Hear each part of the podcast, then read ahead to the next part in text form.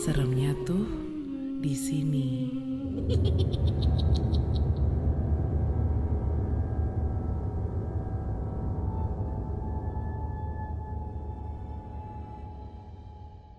Kejadian ini gue alamin waktu lagi liburan ke tempat saudara gue di Cirebon. Pas banget malam Jumat Kliwon. Gak cuma keluarga gue aja yang pergi, tapi beberapa teman gue juga ikut. Lagi suntuk katanya sama kota Jakarta. Hari ketiga di Cirebon, gue sama teman-teman pengen misahin diri dari keluarga gue. Maklum, anak-anak muda semua. Pengen punya me time ceritanya. Hari itu sekitar jam 4 sore, teman gue yang namanya Vira ngajak ke tempat pabrik rotan di daerah Tegalwangi. Soalnya kalau beli barang di sana lumayan murah harganya. Sampai di tempat sekitar jam setengah enam, tiba-tiba papaku telepon. Mia, jangan malam-malam banget loh pulangnya. Ini udah mau maghrib. Nanti papa mau ke rumahnya Om Darno. Siapa tahu kamu mau ikut. Papa tunggu paling lambat jam 7 di hotel ya nak. Perjalanan dari pabrik rotan ke tempat penginapan itu sekitar 40 menitan deh. Sekitar jam 6, gue bilang sama teman-teman yang lain kalau gue harus pulang sekarang. Soalnya kami gak ada yang bawa mobil.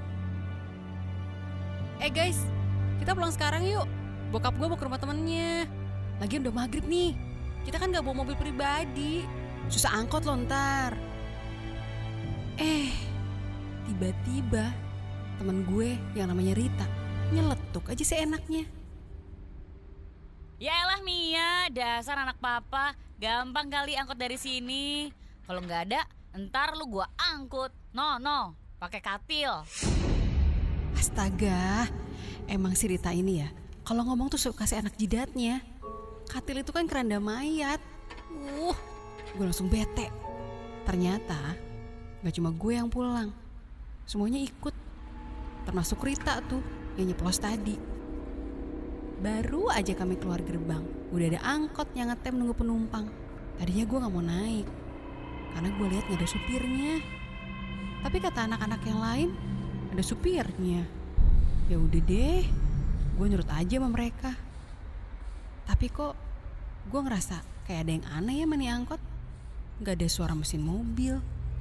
Teman-teman gue yang lain asik banget ngobrol. Gak lama, angkotnya berhenti. Terus naikin dua penumpang. Dua-duanya aneh. Pakai rok panjang putih, rambutnya panjang, sampai nutupin mukanya. Uh. Terus pemandangan di luar kaca jendela tuh aneh juga. Gelap banget.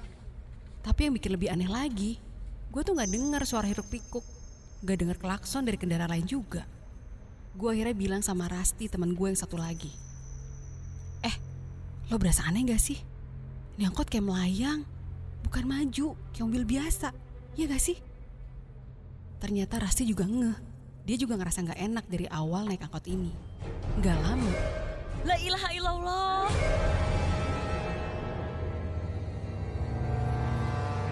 Tiba-tiba angkotnya berhenti di depan pasar dan udah banyak pedagang yang ngegelar lapak dagangannya.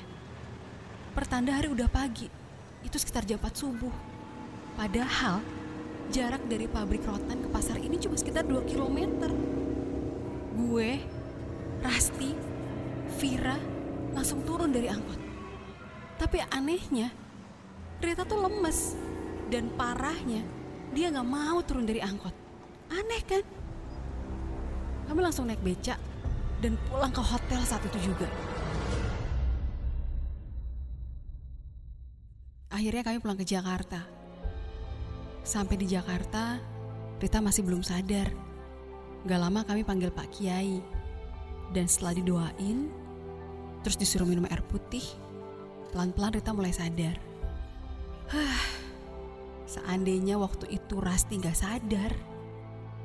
Seandainya waktu itu Rasti gak inget Tuhan. Aduh, gak tahu deh. Mungkin kami semua udah pindah ke alam lain. Seremnya tuh di sini.